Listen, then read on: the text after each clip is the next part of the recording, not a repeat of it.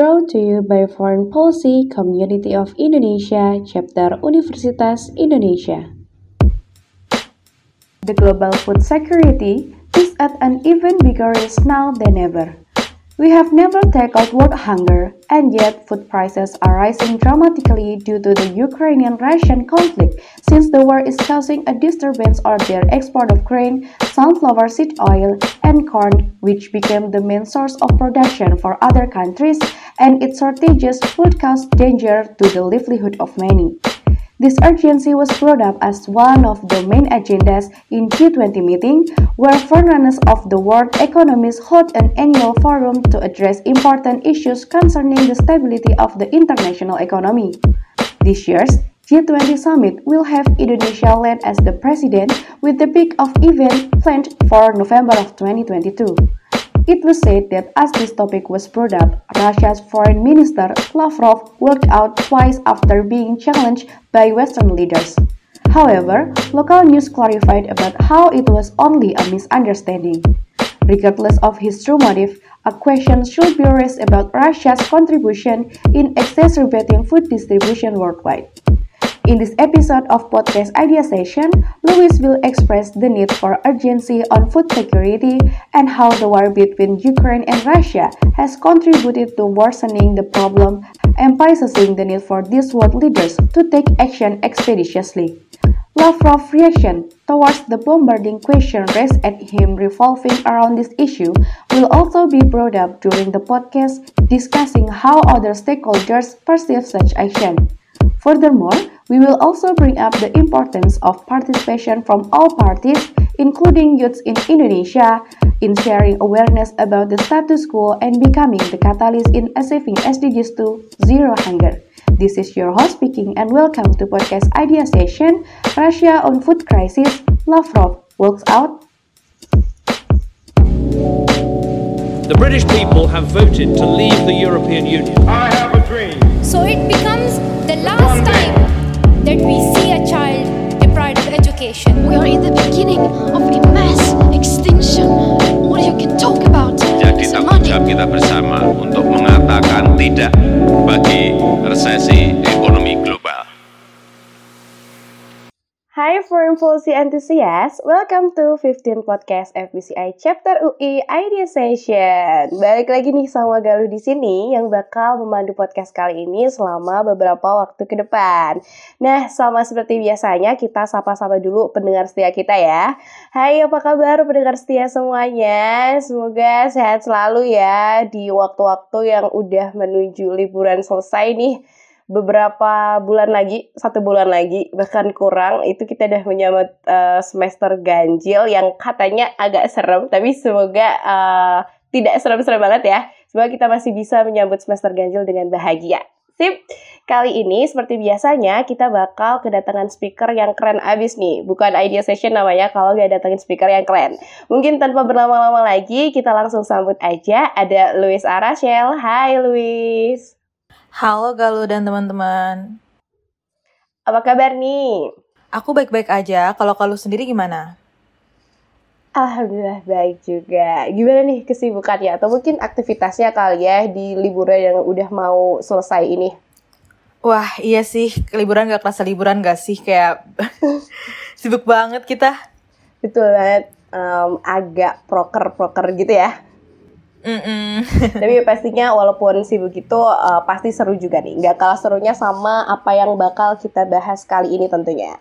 Oke, nah mungkin pendengar setia semuanya nih udah pada penasaran sama topik yang bakal kita bahas kali ini. Mungkin langsung aja kita spill kali ya. Nah, kali ini kita bakal bahas suatu topik yang masih hangat banget dan juga kalau bahasa awamnya nih agak ngeri-ngeri sedap gitu. Tapi kali ini adalah tentang Rusia on food crisis, Lavrov walks out. Tapi sebelum kita bahas lebih lanjut, mungkin aku bakal bacain profil dari Louis terlebih dahulu. Louis ini adalah seorang mahasiswi Fakultas Hukum Universitas Indonesia yang saat ini menjabat sebagai Staff on Research and Analysis di FPCI Chapter UI Board of 2022. Selain itu, Louis juga aktif di Asian Law Student Association Local Chapter Universitas Indonesia uh, sebagai Delegate for Varsity Debate at ALSA E Competition dan juga Vice Head of EMUN Division for ALSA E Competition 2022. Dan gak cuman itu aja, Louis di sini juga pastinya punya banyak penghargaan yang bakal aku sebutin yang paling terbaru nih, yaitu di tahun 2022, Louis mendapatkan award dalam lomba Pro Arms Open Debate 2022 sebagai Best Speaker. Wih, keren banget nih Louis kali ini. Dan itu dia adalah profil dari Louis sebagai speaker kita di podcast kali ini balik lagi ke topiknya ya. Kali ini kita bakal bahas tentang salah satu dampak dari perang Rusia Ukraina.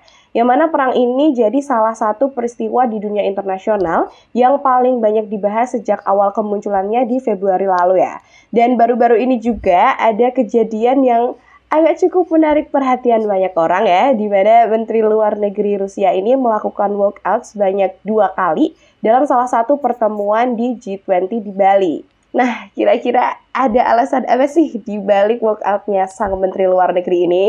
Tapi mungkin sebelumnya kita perlu tahu lebih dulu nih tentang alasan kenapa sih kita perlu banget bahas topik ini? Apa sih hubungannya sama kita sebagai mahasiswa atau pemuda di Indonesia? Apa hubungannya antara perang Rusia-Ukraina atau mungkin aksi walkoutnya Lavrov sama kita-kita yang ada di Indonesia ini? Nah, mungkin Luis bisa kasih tahu ke kita dulu urgensinya nih apa nih kita bahas topik kali ini. Oke Galuh, jadi e, gini sih, kira-kira pendengar sini ada yang masih mahasiswa kah atau mungkin mahasiswi dan yes mm -mm, pasti pasti banget kan, apalagi kita berdua sebenarnya juga mahasiswi kan Galuh. Yes. nah, kayak salah satu makanan yang sering banget kita konsumsi itu apa sih Galuh? Pastinya adalah makanan yang sangat sehat dan bergizi. Mie instan. iya bener banget sih kayak mie instan, indomie, mie sedap gitu-gitu kan. Dan kita kita tuh pasti kayak bergantung banget gak sih sama makan pokok ini karena kayak memang murah harganya dan juga lumayan enak kan. nah, tapi kayaknya menurut aku kita harus mulai was-was nih galuh. Tahu gak kenapa? Kenapa tuh?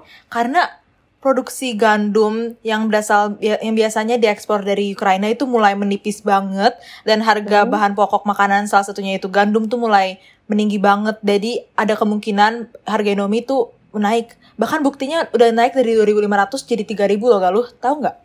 Oh iya bener-bener bener. Kemarin aku emang habis belanja ya. Aku baru ngeh kalau emang harganya 3000. Tapi aku nggak ngeh nih sebenarnya kalau itu ada kaitannya sama perang Rusia Ukraina ya ternyata. Mm -mm.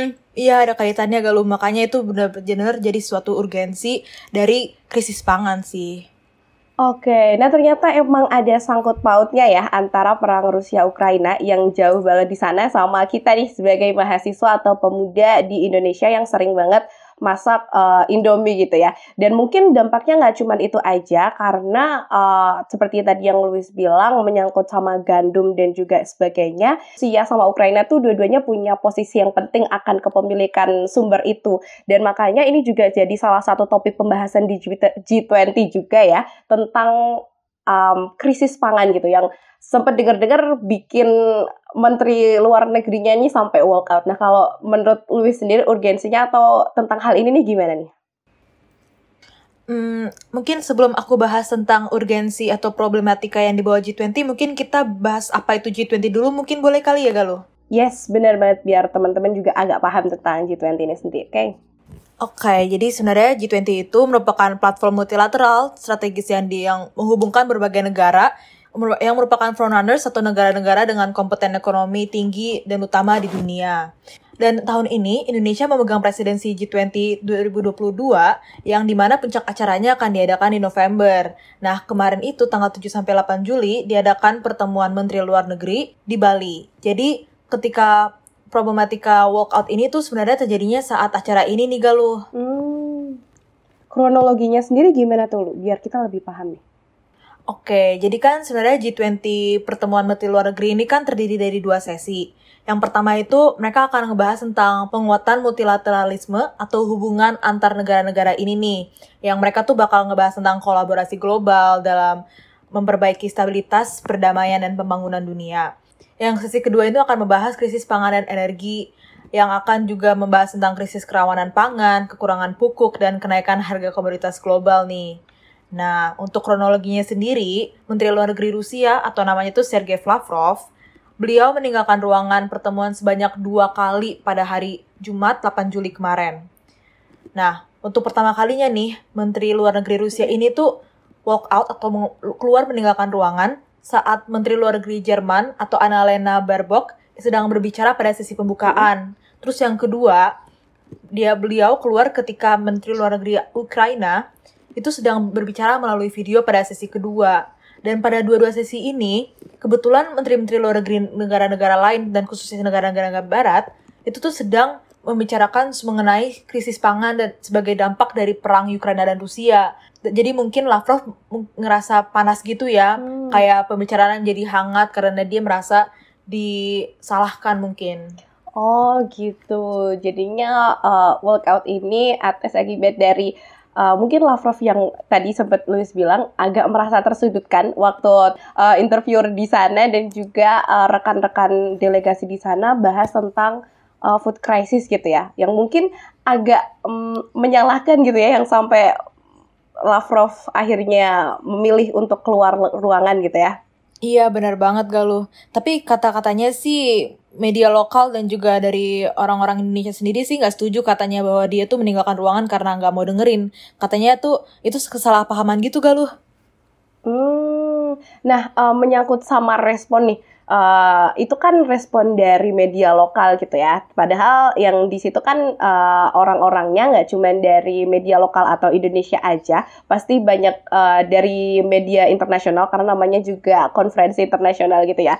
Terus juga menyangkut sama peristiwa walkout ini yang sebenarnya kalau dalam satu konferensi itu kan uh, bukan sebuah hal yang baru ya terjadinya walkout ini. Udah ada beberapa konferensi-konferensi internasional sebelumnya yang uh, ada peristiwa walkout semacam ini juga. Tapi emang uh, walaupun ini bukan sebuah hal yang baru, tapi tetap mencuri perhatian gitu. Nah ini kan juga menimbulkan respon dari banyak pihak seperti yang tadi Luis bilang. Uh, media lokal nanggepinnya seperti itu, tapi media-media uh, yang lain atau respon-respon negara lain ini kayak gimana lo?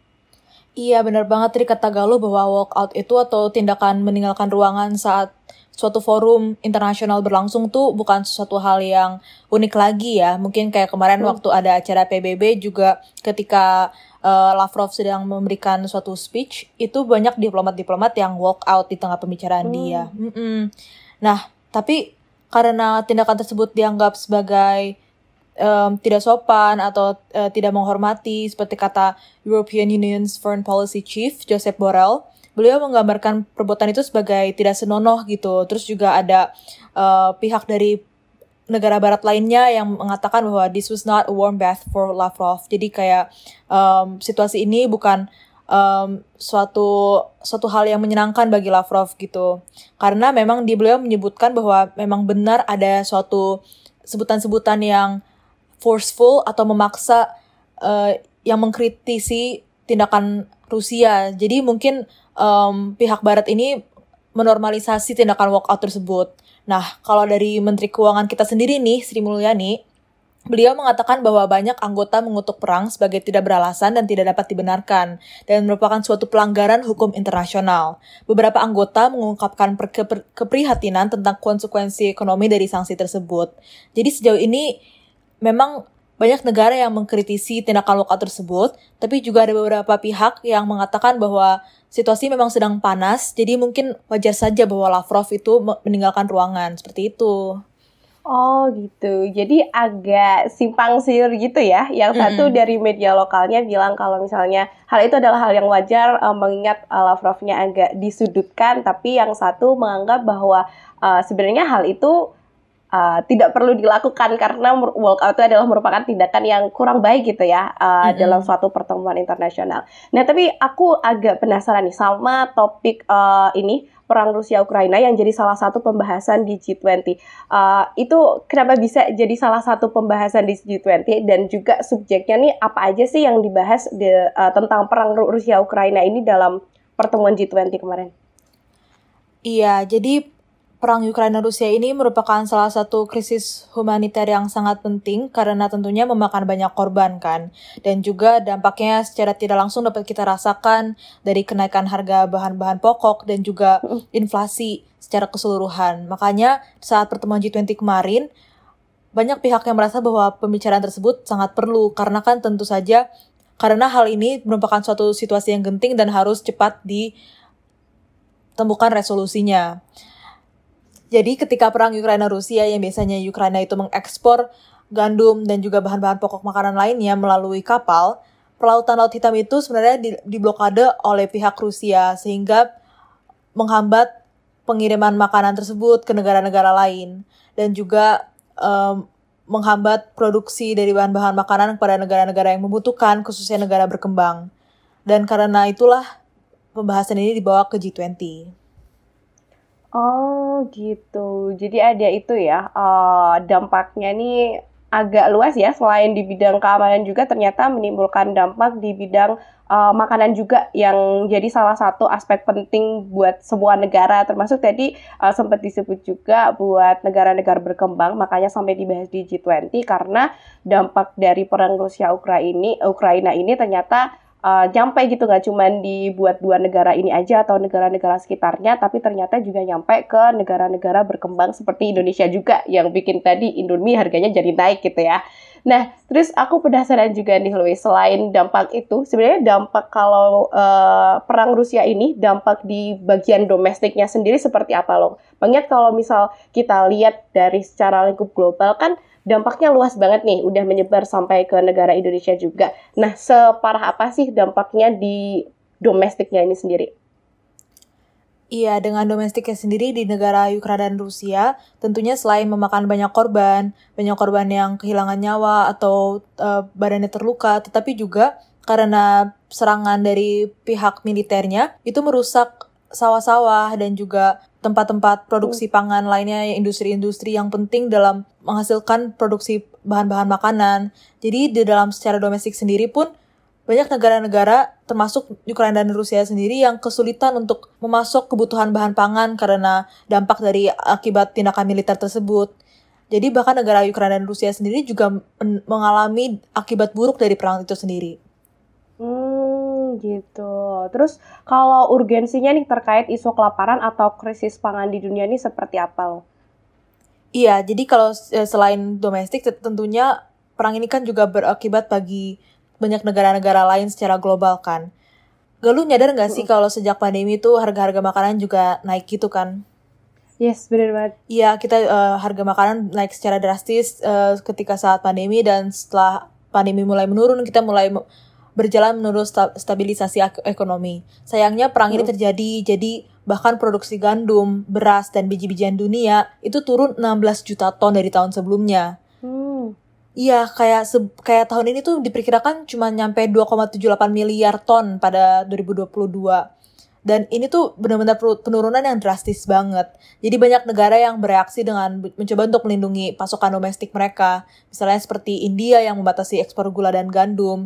Atau mungkin kayak Malaysia yang menghentikan ekspor ayam hidup. Karena mereka benar-benar berusaha untuk mengetatkan produksi bahan pokok makanan akibat krisis pangan tersebut nih.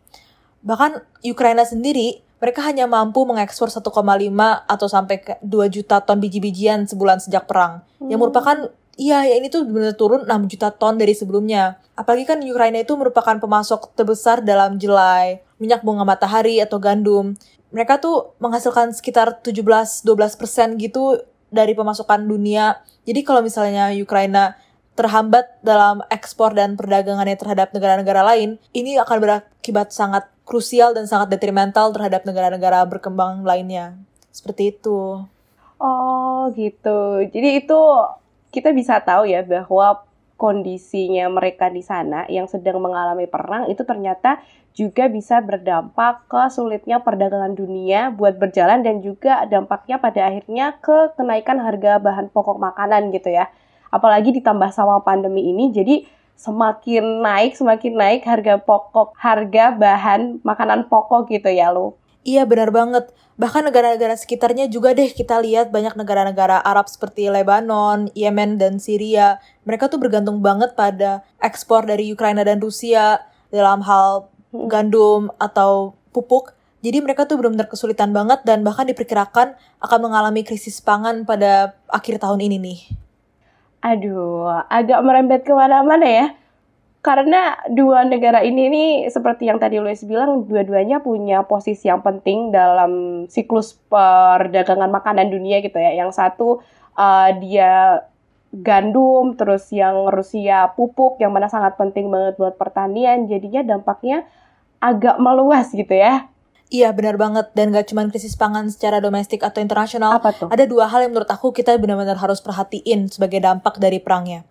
Yang pertama, kalau misalnya suatu negara sedang berkecimpung dalam konflik atau berkecimpung dalam krisis Iya. pangan, tentunya itu kan mengakibatkan ketidakstabilan politik kan. Akan terjadi perang-perang lainnya di negara-negara lain di luar Ukraina dan eh, di luar Ukraina dan Rusia. Terus yang kedua, bahkan Hmm. organisasi-organisasi nasional seperti World Food Program itu sumber 50% dari Hmm. produksi pangan mereka itu berasal dari Ukraina. Jadi mereka tidak akan dapat membantu negara-negara yang yang membutuhkan makanan, yang membutuhkan pemasukan makanan karena ya asalnya itu dari Ukraina sendiri gitu, asal eh, 50% gandum mereka. Jadi mereka tidak akan bisa membantu negara-negara yang membutuhkan seperti dalam krisis perang atau krisis-krisis lainnya. Oke, berarti ini jadi semacam kayak apa ya? Eh, rantai yang Benar banget. rantainya agak buruk gitu ya. Maksudnya kayak ra- seperti kayak apa ya? Kayak rantai bom gitu yang misal eh, bisa kayak meledakkan satu-satu karena dari intinya aja udah agak kurang benar gitu ya. Kayak penyuplainya aja udah nggak stabil. Jadinya rantai-rantai kecil di bawahnya juga eh, bakalan nggak stabil juga gitu ya. Iya, kayak peribahasa apa tuh yang jatuh udah ketimpa tangga pula. Iya betul. Udah jatuh ke timpa tangga pula ya. Iya. Iya bener banget.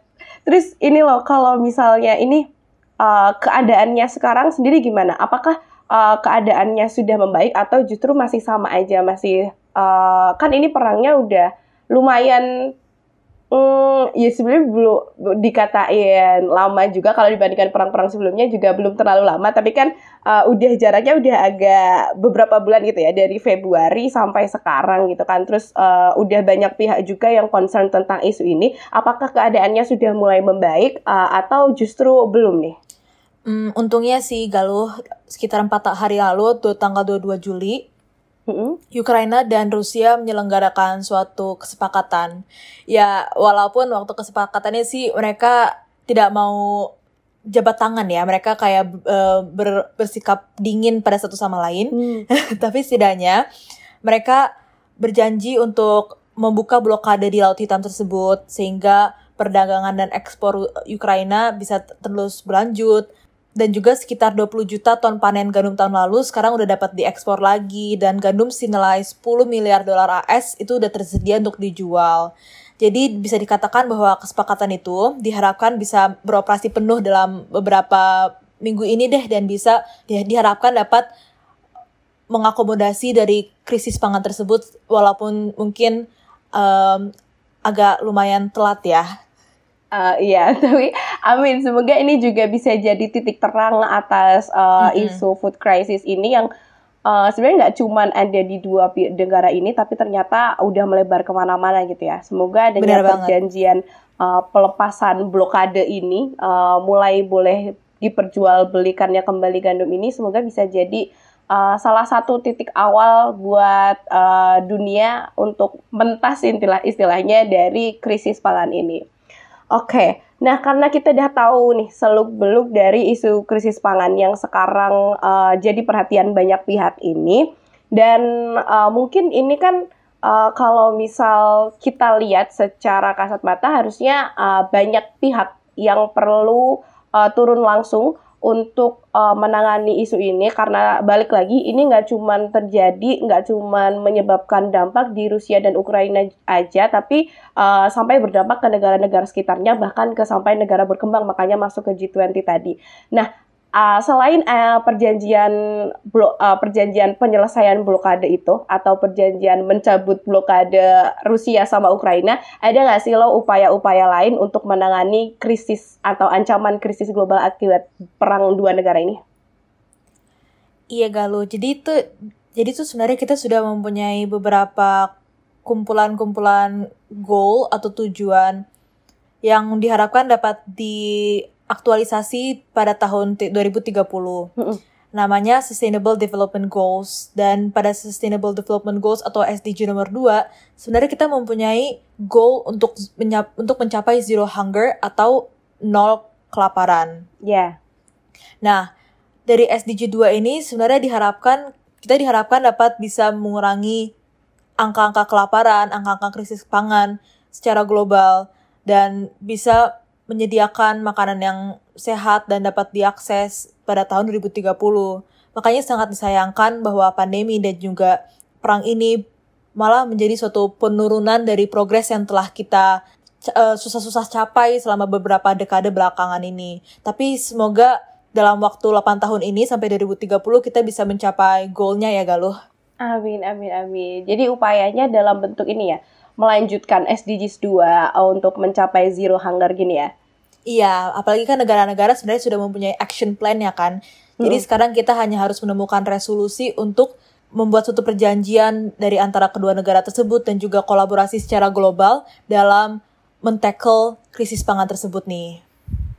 Yes. Semoga bisa terlaksana dengan baik sesuai perencanaannya supaya atau mungkin bisa harusnya bisa uh, lebih gitu ya karena uh, krisis pangan yang terjadi akibat COVID dan juga akibat perang Rusia Ukraina seperti yang tadi Luis bilang bikin kita jadi step back kayak kita udah nyampe ke posisi mana tapi karena ada dua peristiwa ini kita jadi mundur lagi gitu Bener ya. banget. Nah, kalau menurut pandangan Luis sendiri nih tentang solusi itu uh, dari SDGs 2 atau mungkin uh, Luis sendiri punya pandangan untuk cara untuk menyelesaikan hal ini nggak sih lu? Sebenarnya menurut aku Indonesia kan sedang memegang posisi presidensi kan untuk G20 tahun ini. Apalagi kita yes. tuh belum mencapai puncak acaranya yang akan diselenggarakan November nanti nih. Jadi sebenarnya Indonesia mempunyai suatu posisi dan suatu power agar dapat didengar oleh pihak-pihak dari luar ini, pihak-pihak yang penting untuk bisa mengakomodasi akibat perang, agar bisa cepat mencari resolusi untuk menyelesaikan krisis pangan tersebut dan juga menggabungkan kolaborasi global dari pihak-pihak tersebut yang sedang berkonflik supaya mereka bisa melakukan tenggat perang untuk sementara waktu nih karena mengingat adanya krisis pangan tersebut. Saya aku tuh pengen banget ngutip satu artikel yang aku baca yang di mana dibilang bahwa the war in Ukraine should be a wake up call bahwa sekuritas makanan dan sustainabilitas itu tuh itu tuh bukan suatu privilege lagi, itu bukan suatu luxury lagi, tetapi memberi makan bagi semua orang itu merupakan suatu kebutuhan dasar yang harus dipenuhi di century 21 ini. Jadi itu udah benar-benar integral banget sih, Galuh. Iya benar banget, setuju banget sama apa yang dibilang sama Louis tadi bahwa uh, sekuritas makanan ini bukan sebuah privilege lagi tapi adalah kebutuhan dasar yang emang harus uh, dipenuhi sama semua negara gitu ya dan harusnya jadi hak dasar dari warga negara buat dapat uh, sekuritas pangan ini tadi. Melihat kita ada di uh, abad 21 yang seharusnya udah jauh lebih maju daripada bertahun-tahun sebelumnya yang kita harus kesusahan cari uh, bahan pangan ke sana sini terus sekarang udah dibantu sama teknologi dan juga sama interconnectivity di berbagai negara juga yang bisa bikin kita saling bertukar gitu ya. Jadi harusnya uh, kita bisa untuk memanfaatkan hal itu supaya krisis pangan nggak terjadi lagi dan itu juga perlu diperhatikan sama uh, pembahasan atau Indonesia juga yang jadi tuan rumah di G20 supaya bisa menegaskan hal itu kembali gitu ya lo. Iya benar banget. I mean, kita bisa bayangin gak sih hari-hari di mana kita bahkan gak bisa beli Indomie gitu kan. Itu suatu kayak krisis yang genting banget gak sih? Betul, agak berat gitu ya rasanya kalau misal ngebayangin kita gak bisa beli Indomie, gak bisa makan Indomie kayaknya agak sulit untuk dibayangkan ya. iya, setuju banget Galuh. Tapi itu sebenarnya bisa jadi ancaman yang nyata juga ya kalau misalnya krisis ini uh, berkepanjangan gitu dan gak selesai-selesai gitu ya. Mm -mm. Iya. Agak mengerikan juga ya. Iya, tapi uh, diharapkan akhir tahun ini kita bisa menemukan resolusinya ya, apalagi kan Indonesia jadi presidensi di G20. Yes, benar banget. Nah, menarik banget nih obrolan kita kali ini karena uh, kita jadi tahu tentang hubungan antara perang Rusia dengan Ukraina sama uh, daya beli kita dalam membeli Indomie ya. Jadi kalau misal perang Rusia Ukrainanya berlanjut, berarti kita juga harus menyiapkan uang yang lebih untuk membeli Indomie. Jadi karena jaga-jaga kalau misalnya uh, apa ya uh, perang ini berakibat pada kenaikan lagi. Jangan-jangan kalau misalnya ini semakin berlanjut, nanti Indominya agak naik lagi jadi 10 ribu kan agak tekor ya. Jadi semoga kita berdoa bersama semoga perangnya ini uh, dan juga food crisisnya pastinya semoga segera terasa, teratasi gitu ya. Nah, menarik banget nih obrolan kita kali ini karena relate banget sama uh, kita ya ternyata dari perang Rusia Ukraina sampai ke kemampuan kita buat uh, beli Indomie gitu ya. Nah, di sini ternyata nggak cuman aku aja yang excited sama topik yang kita bahas kali ini. Ternyata ada teman-teman juga yang penasaran nih sama topik yang kita bahas kali ini.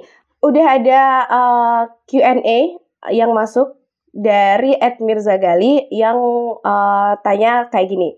Dalam menangani krisis makanan ini, uh, tepatnya krisis yang disebabkan oleh perang Rusia Ukraina, adakah peran dari kita sebagai mahasiswa yang dapat dilakukan untuk uh, meminimalisir atau menangani penyebaran kasus ini? Oke, okay. agak tricky ya jawabnya. Menurut Luis, gimana nih Luis?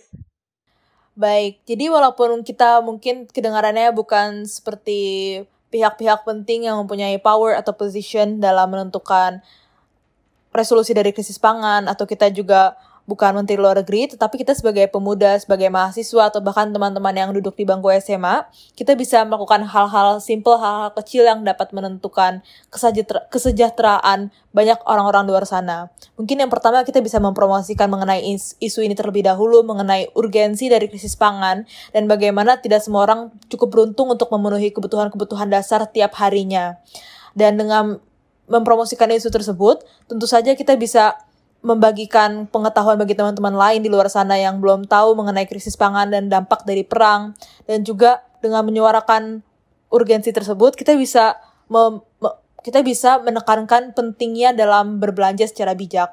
Yang merupakan poin kedua dari aku yaitu supaya teman-teman lebih bijak dalam hal berbelanja bahan pokok makanan. Misalnya ketika ada suatu krisis yang mengakibatkan tingginya kenaikan harga minyak misalnya minyak minyak masak kita bisa lebih bijak untuk tidak memborong dan mulai menghemat-hemat dalam hal berbelanja dan juga supaya tidak menjadi wasteful dalam hal makanan karena tentu saja orang-orang di luar sana masih banyak yang membutuhkan kebutuhan-kebutuhan dasar ini.